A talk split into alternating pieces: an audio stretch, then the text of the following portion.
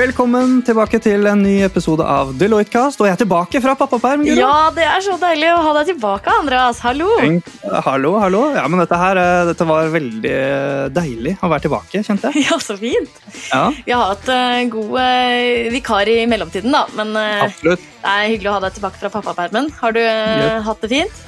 Jeg har hatt det fint, så nå er det rett fra hjemmepermisjon til hjemmekontor. Ja. Forskjellen er ikke så veldig stor, det er, holdt på å si. det er det jo, men eh, det er samme lokaler og samme ja, Samme menneskene eh, rundt deg. Ja, sant? Samme kollegaene. Baby og kone. Ja.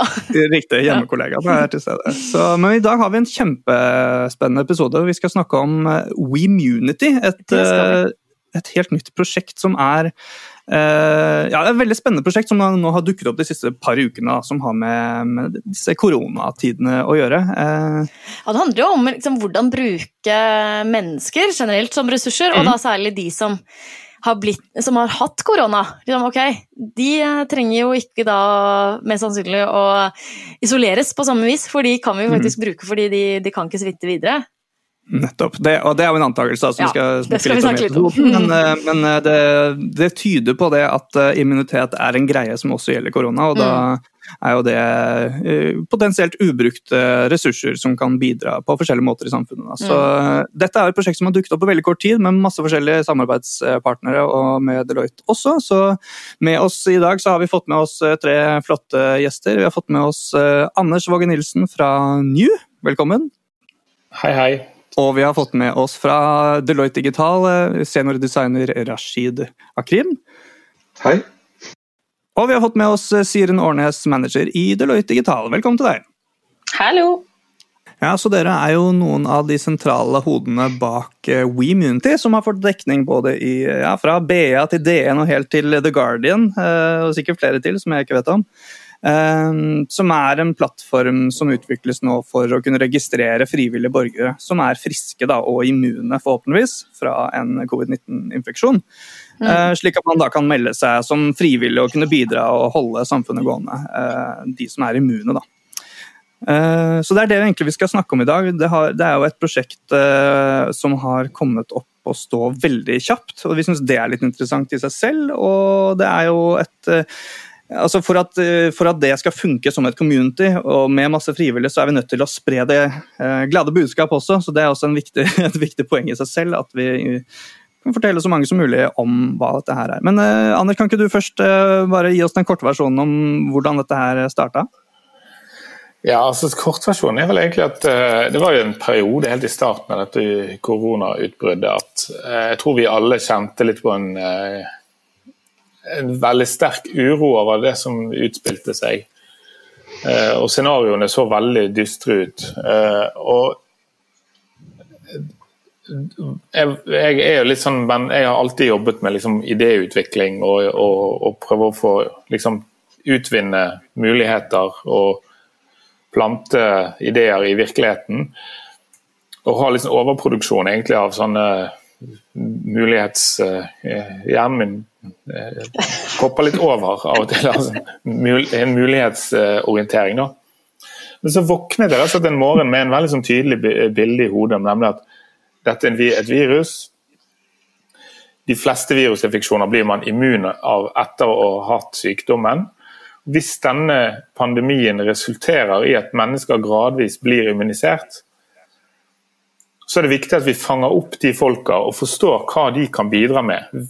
Særlig dersom måte helsevesenet og samfunnsfunksjoner blir overveldet av denne veldig spesielle situasjonen. Og Da er det akkurat dette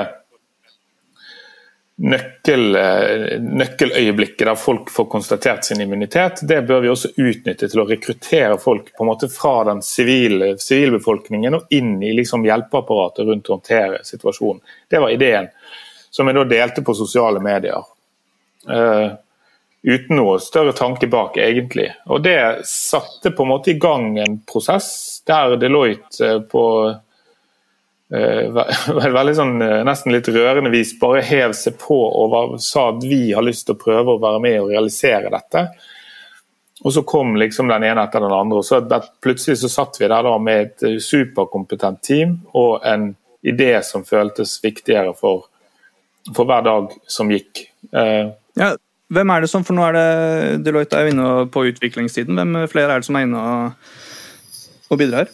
Eh, nei, altså nå er det jo et, uh, en miks av altså, sånn Heydays har vært inne og hjulpet til i liksom, identitet og, og branding i siden og, og, og liksom merkevaren vi har etter hvert utviklet. Mm. vi har hatt inne in, på en måte individer fra Eh, fra Netlife og, og, Akuna, som har jobbet med tjenestedesign-siden og, og, på en måte bidratt inn mot, eh, mot UX-arbeidet. Vi har en god del eh, individuelle folk fra, faktisk fra hele verden etter hvert. og Deloitte, altså Deloitte-miljøet har jo på en måte spilt inn både fra Canada og, og Storbritannia. og vi har hatt folk fra Italia som har opp, fanget opp prosjektet og fått det på radaren og sier at dette trenger vi i Italia nå. Og begynte å lage en sånn, task force eh, der og snakket med sykehusledelsen og politisk ledelse i Lombardia. og liksom, Det har begynt å skje ting liksom utenfor vår kontroll, og det er ganske fascinerende, egentlig.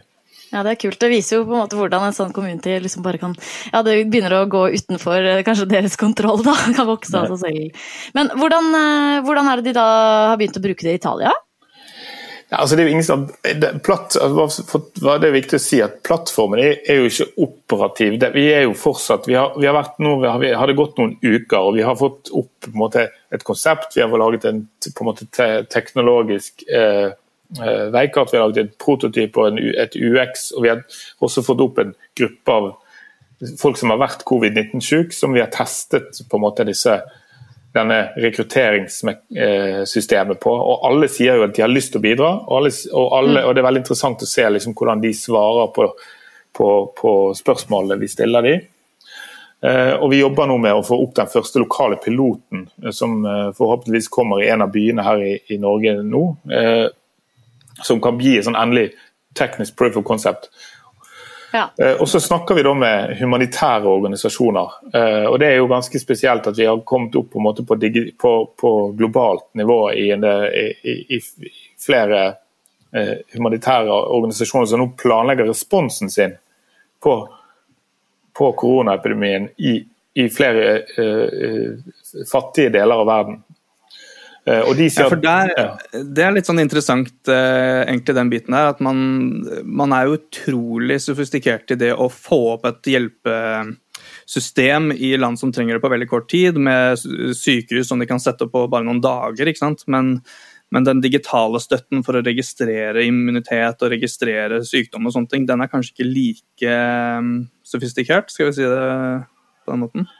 Altså Tilbakemeldingene er jo at det at vi på en måte tenker litt som at vi prøver å lage et litt sånn felt, eh, feltinfrastruktur som vi kan rulle ut i stort tempo, som er tilpasset lokale språkforhold, lokale båndbredder og kanskje også mm. lokale behov i en ganske kritisk situasjon. Det er jo litt av tanken, og det er også litt av den teknologiske utfordringen her. At vi må lage et sånn standardisert rammeverk som kan tilpasses enkelt og fort, og som kan lanseres på en måte, Vi har brukt metaforen at vi, vi kan en måte hive ut en, en, digital infrastruktur i fallskjerm fra nettskyen over et område som trenger en sånn type støtte, datastøtte. Mm. Uh, og, og, Det er en idé som jeg tror er ny for ganske mange, det en, men det er en idé som appellerer. Uh, og som gir mening for de som har erfaring fra den type situasjoner. Alt fra ebola-epidemien til drift av eh, flyktningleirer.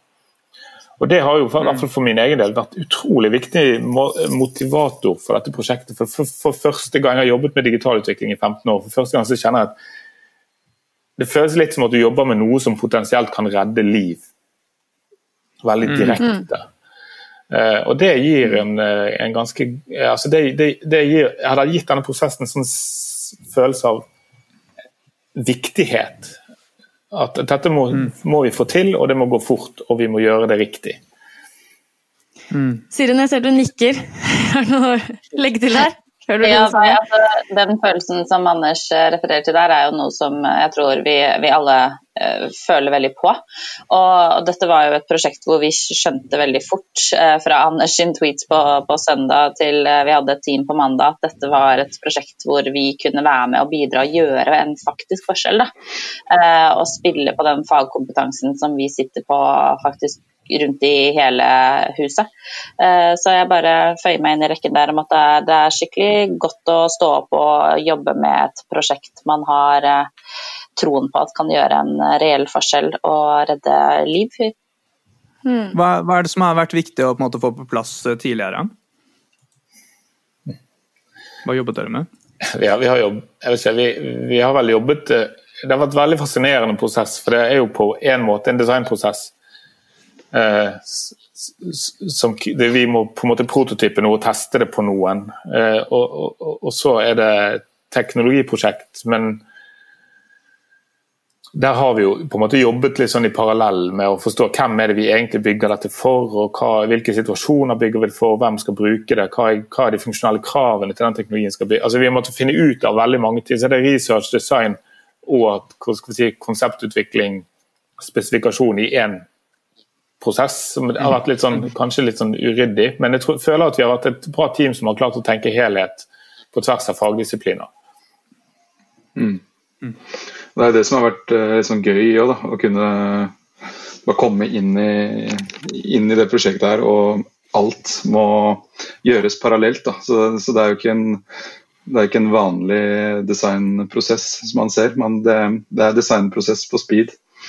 eh, og det, og jeg syns vi har fått gjort utrolig mye på veldig kort tid. Og det, eh, og det er også altså det er det som er gøy å være med på. Å se, se, effekten av det man gjør. At det har gått så fort. Så er det jo mange utfordringer, selvfølgelig. men for å bare høre litt, sånn, litt mer hva vår rolle som Deloitte egentlig er. Siren, hvis du kan begynne. Hva, eh, kan du si litt mer om hva vår rolle er, og hvordan vi driver prosjektet fra vår side? Absolutt. Vi har jo vært inne som jeg sa, fra, fra flere fagdisipliner hos oss og jobbet i flere strømmer parallelt. Vi har jobbet med legal, de har sett på privacy issues her, eh, samtykke som blir ekstremt viktig. Dette er jo snakk om eh, helseopplysninger.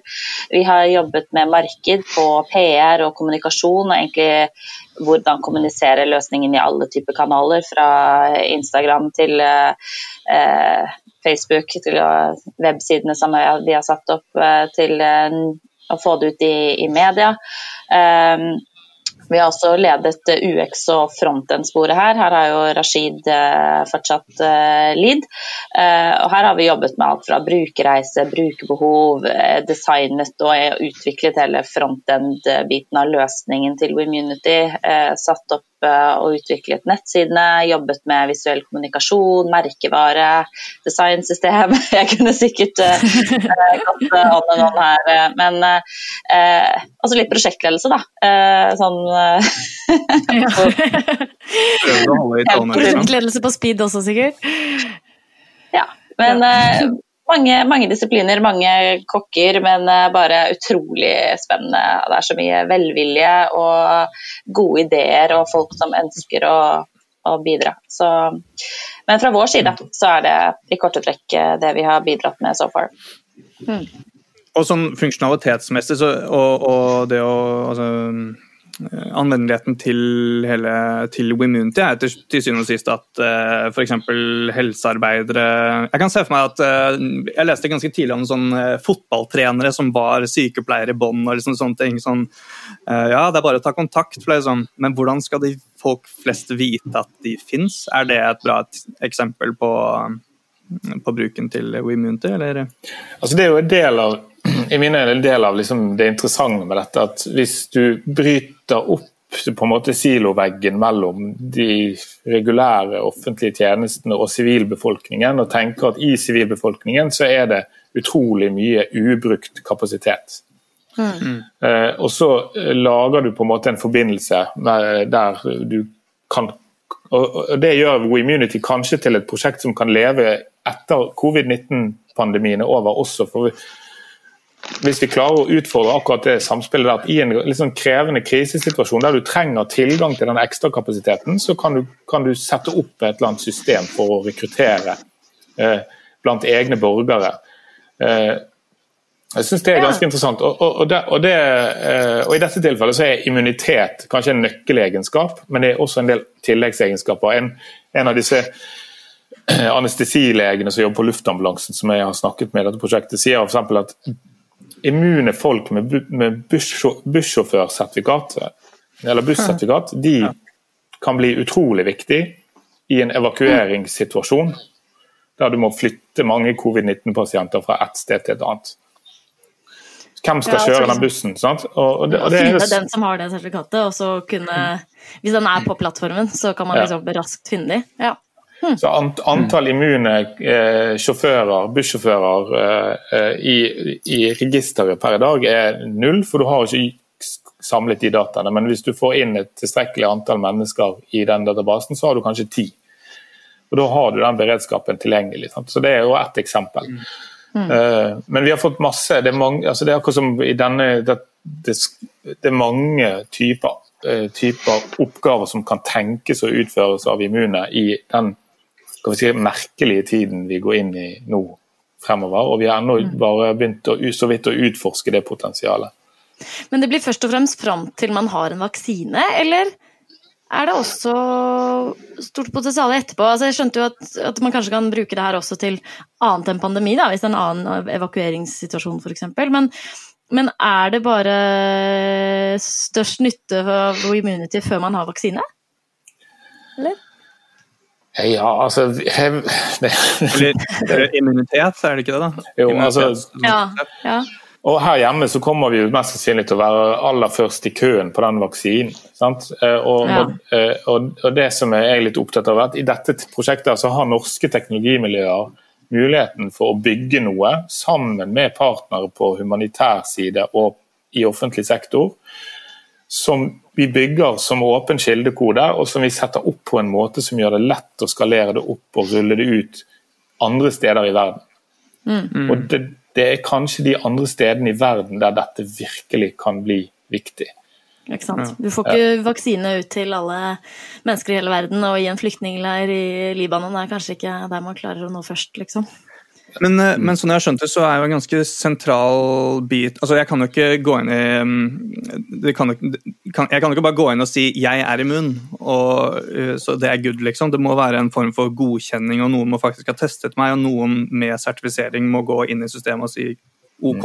Andreas kan faktisk gå er, Han er immun, og han kan gå ut og hjelpe. Hvor, og det kan man da se for seg i Norge er relativt enkelt hvis man samarbeider med en kommune eller med blodbanken eller med staten på en eller annen måte. Da. Eh, men hvordan gjør man det i alle disse andre landene som du snakker om? Eh, altså det gjenstår litt å se, men jeg, altså jeg tror det har vært litt fint i dette prosjektet at vi må på en måte designe for ganske mange ulike potensielle situasjoner. Mm. Det, det, er jo noe i designteori som heter liksom 'design for the extremes'. Sånn design for de, de, mest ekstreme situasjonene i hver sin ende av en, en skala. Og sånn, I den ene enden så er Norge med gode API-er, med velfungerende offentlige systemer, med høy tillit til det offentlige apparatet osv. I den andre enden så er det et et, et lavressursland med lav tillit til offentlige systemer, og kanskje en humanitær organisasjon som står for veldig mye av disse tjenestene, og har mm. en, en, en underkapasitet. Eh, og, du, og, det er dårlig bredbåndsdekning, altså det er 2G eller dårligere. Så, du, så, vi har prøvd å, ta, å lage en tjeneste som funksjonelt klarer å håndtere begge de to scenarioene. Eh, og Det er jo i seg selv veldig krevende, men, men det, er sånn, det, er en, det er en sånn eh, design constraint som vi må eller sånn, på en måte en, eh, eller vi, vi, må ta høyde for hvordan dette potensielt kan komme til anvendelse. Som jeg syns også har gjort prosessen interessant. da. Det er kult.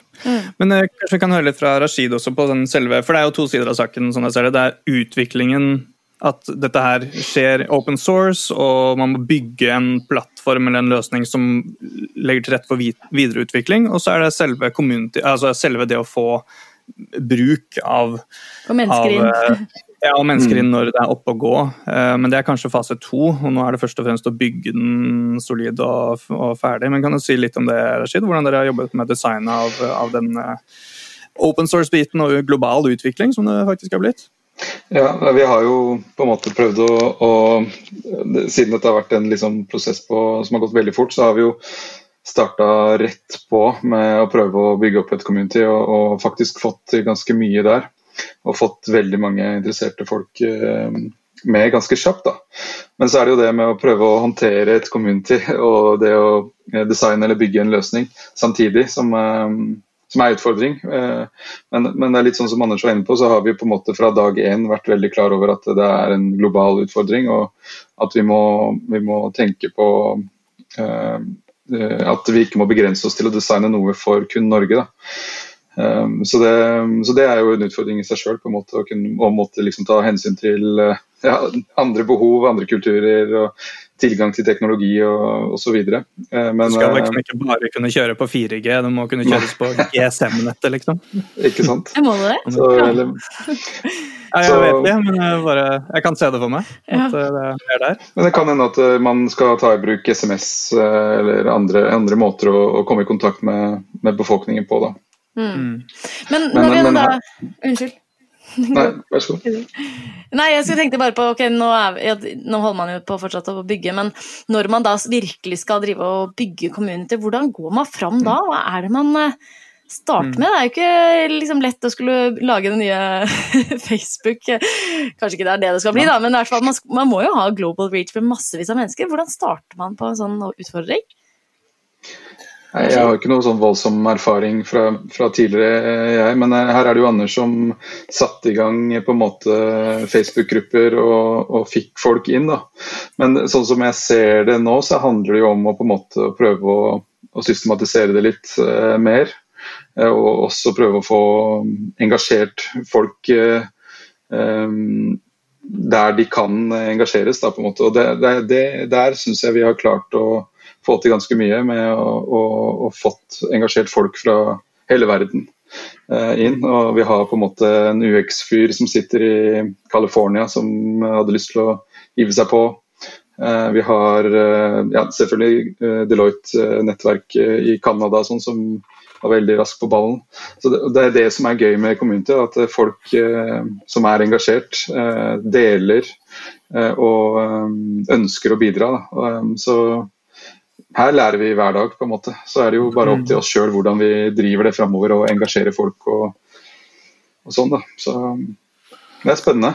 Mm. mm. Men det er, det, er jo, altså det er, en helt spesiell måte å For vi starter på en måte med, med kun en idé og vilje og bra, en bra gjeng og tid.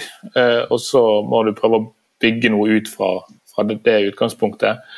Og, in, og så samtidig, hvis du begynner å ha litt globale ambisjoner, så må du liksom da må du rekruttere utover landets grenser. Og...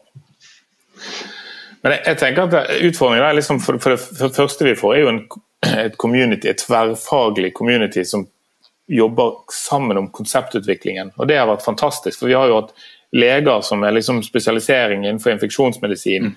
sammen med frontend-utviklere og designere og, og tjenestedesignere og teknologer i ett rom for å diskutere løsningen. Mm. Eh, Så, Ikke fysisk rom, kanskje, men Nei, i et virtuelt. Høyst virtuelt. ja. Eh, men det er liksom fase én. Det er community rundt konseptet og, og, validering av konseptet. Så drar vi det over i eh, noe som mer blir et, kanskje den muliggjørende teknologien. og Da blir det mer sånn tradisjonelt open source-prosjekt-type. Hvordan får du i gang et open source-teknologiprosjekt? Det Der har jeg veldig mye, mye å lære, merker jeg. men men, eh, mm. Og Det handler jo og, igjen også om å vise, demonstrere at her har du bygget en løsning som fungerer og som gir verdi på et eller annet vis. Og Der må noen ta lead. Sant? så Nå er vi det litt der, mm. nå, nå, er vi i gang med å på en måte begynne å bygge det og bygge opp eh, eh communityet rundt den plattformen. Mm. Og Så er jo det neste fase, community-prosjektet Womunity. er jo kanskje å begynne å bygge community blant de som rekrutteres inn for å være frivillige hjelpere. Og det er, kanskje, det er kanskje endemålet til denne merkevaren, er jo liksom å bli et emblem som uttrykker noe om hver enkelt person, og som snakket om at det er litt bindersen i knappehullet. Sant? At du sier at jeg er en sånn immunity-person, og det betyr at jeg er immun, men jeg bruker min immunitet inn i et slags solidaritetsprosjekt. Jeg mm. ønsker å bruke min immunitet til å holde samfunnet i gang. Eh, og, og, ta, og, og, hjelpe medmennesker og de som er i en mer sårbar situasjon. Og Det syns jeg er litt fint. Mm. Det er et verdistatement som handler om hver enkelt, og det har også en type samfunnskontrakt som ligger i, i bordet. da. Og Det tror jeg er universelt og allmennmenneskelig. Så det tror jeg er, er, noe som kan utvikle seg til å bli noe, noe ganske fint, da, potensielt. Mm. Uh, og så alt som går på det kommersielle rundt og selskapsmessige, og hvordan skal vi altså Det er mange ubesvarte spørsmål fortsatt, så om to uker vet vi kanskje mer om det. Mm. Men det er en fin tanke da, at dette er solidaritet i praksis, at man kan liksom, bruke korona til at man kommer nærmere hverandre på et eller annet vis. At, eh, eh, Selvfølgelig er det mye negativt her, men at man også kan se noen lys da, på at mm. dette kan føre at vi føler oss nærme hverandre, eller at man kan uh, bruke denne solidaritetsfølelsen også til andre kriser vi kommer til å ha i framtiden, klima f.eks. Mm. Uh, det er jo en uh, jeg tenker en helt sentral bit høres ut som for å få dette opp å stå, er jo, eller den siste biten er jo det at folk er inne og leter etter folk hvis man trenger hjelp. Så dere må ha det tekniske, og dere må ha folk som registrerer seg som immune, med kompetanse som folk kan søke etter. Og så må jo noen, sånn som Røde Kors eller som eh, Flyktninghjelpen eller, eh, eller, andre ideelle organisasjoner, UD også, liksom, når de er ute eh, på den måten. Der, og der er det også noen dialoger nå. Det er ingenting som er landet, skjønner jeg, men hvordan er den dialogen der? Altså, vi har jo hatt eh, liksom, oppmerksomhet både fra altså, politisk ledelse både på liksom, regjeringsnivå og på kommunale strukturer som syns denne ideen er god. Eh, og så er det noe med å prøve å finne, ut, finne et konkretisere liksom et prosjekt rundt det. Eh, så nå, vi jobber jo litt der nå at vi prøver å berede grunnen for først en pilotering og så en utrulling som går i riktig tempo. sånn at Vi kan på, vi må påta oss noen driftsforpliktelser og være trygge på at mm. dette er robust nok. Ehm, så det, og det er jo veldig stor velvilje rundt det. Så er det litt sånn merker at eh, de som skal sånne finansieringsorganisasjoner og sånn, de må Dette er litt uvant for de også. Dette er ikke en vanlig tilblivelse av et prosjekt, for dette er motivert mm. på en annen måte, og det har oppstått på en annen måte. Men folk mm. syns det er veldig kult. Men altså, vi må nesten inn på den der eh, elefanten i rommet men med immunitet. da, altså Den helt essensielle delen er jo at man faktisk blir immun. Og det er vel ikke helt eh, Det har man jo ikke helt funnet ut ennå. Hva, hva er det som er status her? Vi kunne dere sagt noe kort om det? Vet ikke hvem som har siste status? Jeg. Du, jeg, jeg kan, nei, altså, det, har vært en, det er også interessant. Denne prosessen har hatt en X-faktor hele tiden. og det er spørsmålet, Blir man immun etter å ha vært covid-19-syk?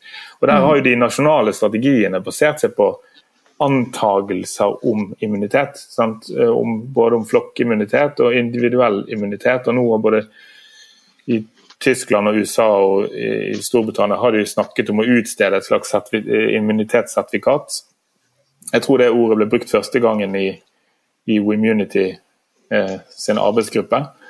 Eh, men, eh, og, og, det er egentlig en no-brainer at hvis man blir immun, så må man trengs Det er ikke helsedata som i, i tradisjonell forstand, for det er, det er, data om deg som er viktig for andre. Så du må kunne dele de, den da, eh, informasjonen. Må, eh, men, men, spørsmålet klinisk er jo komplisert. For dette viruset er litt sånn her eh, rogue. Det oppfører seg litt annerledes, så det er vanskelig å, å si. og det, det, jobbes jo intenst for både test, å utvikle tester og forstå mer av antistoffreaksjonen til kroppen. Men de fleste er enige om at altså Det man er enige om, er at noen blir immun. Ja. Og så er det et spørsmål hvor stor andel av de blir immun, og hva er, hva vi, hvordan måler du den immuniteten? og Hvordan kan du være 100 sikker på det. Så det, mm. det, er liten tvil om at noen blir immun av covid-19, og, og, vi forholder oss jo bare til det. En klinisk et kriterium, medisinsk kriterium for immunitet. og det, Vi skal jo ikke påvirke det på noen som helst måte. og Vi, tenker, vi har sagt når Verdens helseorganisasjon eller nasjonale myndigheter sier at det er dette som er kriteriene for å bli immun, så har vi et kriterium å forholde oss til. Mm. Du var så vidt inne på det med persondata. Eh, dette er jo en kjempe også stor utfordring, tenker jeg, for liksom, håndtering av persondata. Siren, eh, du sa litt an innledningsvis at vi i Deloitte har vært med der, men hvordan, hvordan eh, håndterer vi det? Altså delingen av persondata og GDPR osv.? Ja, det blir jo superviktig oppi det hele. fordi Det vi ser tendenser til rundt omkring, altså Kina er jo en ting, men også her i Europa, er jo det at man setter personvern til side fordi at nå er det kommet noe annet som i gåseøynene er viktigere. ikke sant? Sånn at eh, ja, smittevernhensyn eller andre typer hensyn så kan man velge å sette det til side. Det kommer nødlover osv. Eh, vi syns det er kjempeviktig at uh, til tross for dette som skjer, så er personvern viktig. Og det som vi har laget her, er jo en løsning hvor du, du eier den dataen om deg selv selv. Så dette er en løsning som er bygget opp på Privacy by Design, og du skal selv kunne bestemme hvem er det som kan se den informasjonen om meg, og hvem er det som ikke skal kunne se den. Eh, så det at eh, vi har en løsning her som klarer å ivareta den biten av det også, tror jeg blir bare superviktig oppi alt dette. Vi kan ikke gi slipp på, på den type ting igjen mm. gåsehudene, bare fordi eh, vi står oppi en, en, pandemi. Man må kunne klare å gjøre begge deler, og det syns jeg advokaten mm. hos oss her har gjort en helt strålende jobb med. Mm. Og så jobber eh, Rashid og teamet hans med hvordan kan man kommunisere det på en litt mer folkelig og forståelig måte, og ikke ha et sånt uh, eh, 20 siders langt samtykkeerklæringsskjema uh, med litt ja. det, ja, hvordan tenker du rundt det, Rashid? Hva gjør man da? Nei, det er jo eh, å begynne å bare brekke det ned. Da, og Plukke ut uh, de viktigste tingene, i hvert fall. Og se hvordan vi kan visualisere det. Um, gjøre det enkelt for brukeren, rett og slett. Um, og forstå hva de, hva de, godtar. Og så er det jo det med, med, som Siren er inne på, bare det å kunne velge da, hvilke type organisasjoner eller statlige uh, som skal liksom, ha tilgang til min data. da. Så det um, å kunne gi litt sånn valg til brukeren tror jeg uh, kommer til å gi en stor forskjell. Da. Enten om det er på lokasjon eller på type firmaer eller uh, sånne ting. Mm. Ja. Kult. Jeg kunne sikkert trengt mange andre steder hvor det er disse åtte siders lange dokumentene. Jeg skulle gjerne hatt en, ja. en kortversjon. Mm. Jeg bare trykker 'aksepter', er det ikke det? det er jo Uh, ok, Siste spørsmål, da, for vi begynner å um, gå tom for tid her. Men uh, vi, vi, var inne på det. Den dagen uh, hele denne pandemien er over og vi er tilbake til normal, hva kan vi bruke WeMunity til da? Nei, altså, kan, kan, vi bruke det til noe? Det, har dere tenkt altså, å snakke om det? Jeg, jeg, jeg, jeg syns det er et godt spørsmål og et interessant spørsmål. og, og jeg tror vi kommer på enden av den pandemien så kommer vi til å være noen andre enn vi var når vi begynte. Eh, og vi kommer alle til, og jeg tror noe vi allerede har sett, eh, er verdien av gode samfunnsstrukturer. Eh, og verdien av, av på en måte en form for fleksibilitet i, i, i de strukturene. Og Det har vi sett her i Norge, og det, det synes jeg er veldig fint å se med det norske samfunnet. Vi har evnet å omstille oss enormt raskt, og vi har endret alle mulige prosesser. Eh, og så er spørsmålet, Det jeg føler kanskje WeMunity potensielt kan bli, er jo nettopp eh, den der eh, løsningen som lager en bro mellom frivillig sektor og offentlig sektor og mm. som har de der sikringsmekanismene på at du kan godkjenne folk og, og, og kvalitetssikre eh, det grensesnittet, og at hver enkelt eier og har fullstendig kontroll over dataene om hvem de er, eh, og hva de kan bidra med, og, og også kan distribuere den informasjonen i, i de kanalene der de ønsker det sjøl. Eh, og Det tror jeg kan anvendes på veldig mange måter, men jeg tror vi bare så vidt har begynt å snuse i, i eh, noe som jeg i hvert fall tenker på som en veldig interessant eh, på en måte en ny dimensjon da, ved den eh, sosiale kontrakten eh, som vi alle er en del av. Mm. Men eh, så, Jeg skulle gjerne dykket masse i det, men eh, det, det, vi, det som alle eh, lytter på nå, lurer på, er jo hvordan kan de melde seg til tjeneste? Hvordan kan de bidra hvis, hvis de har noe å bidra med? Hva gjør man da? Det er bare å ta kontakt med, med Anders eller oss. Ja. Nei, vi, vi har jo nå på, på nettsiden i immunity.org så er det en e-postadresse der man kan ta kontakt. Man kan ta kontakt på Facebook, eh, på Instagram. Vi er i alle, alle kanaler. Mm. og, og som Anders sa litt i sted også, så har jo prosjektet går liksom forskjellige faser. Da man åpner opp i begynnelsen, ikke sant. Alle kommer inn i community, og så ser man litt sånn hvem er det som faktisk eh, har tid og vilje til å, til å kunne bidra, og hvem er det som bare ønsker å følge prosessen, noe som også er helt ok. Eh, så, så man, man, skiller jo litt mellom hvilken type del man ønsker å ta. Da. Men hvis du tenker at her har jeg både en eller annen form for uh, kompetanse som kan uh, funke inn, og jeg har tid og ønske om å bidra, så er det å, å, si fra hvem du er og hva du vil bidra med, og så er, det, er du inne da. og så etter hvert som folk har hatt korona og er immune, så får man følge med på Facebook og Instagram og nettside da, for å se når, er, når det er mulig å melde seg som hjelper, rett og slett. Sant? Forhåpentligvis om, om noen, noen, uker så er vi klar med første versjon av en slags registreringsløsning. Ja. Da, vi skal prøve å holde folk oppdatert på det. Men da, da, sier vi egentlig tusen takk for tiden deres, at dere kom og pratet med oss i dag. Det var veldig hyggelig. Selv takk. Og masse lykke til videre. Selv takk. Stå på. Kult prosjekt. Ja, veldig, veldig kult. Og til, til, dere som hører på Deloitte Cast, så prøver vi nå å øke hyppigheten på disse episodene nå i disse koronatider. Så vi, vi skal i hvert fall kjøre annenhver uke, og så ja. Kanskje vi får til mer enn det òg, Guro? Hvem vet? ja, vi får se. Vi får se hvor fort barnehagen åpner, tror jeg kanskje er ja, det har noe med saken å gjøre også, kanskje. Ja. Nei, ja, men vi, vi skal i hvert fall ha hver andre uke. Det blir kjempegøy. Det ble veldig gøy, så det fører litt mer til oss. Så med det så ønsker vi alle en trygg og god uke med hjemmekontor og med hjemmeskole og med karantener og isolasjon og det som er. Ja, sant. Ta vare på seg selv og hverandre. Ja, mm. men ikke for tett. Nei. Virtuelle klemmer er bra. Yes. Yes. Takk for nå. Takk for nå. Vi høres.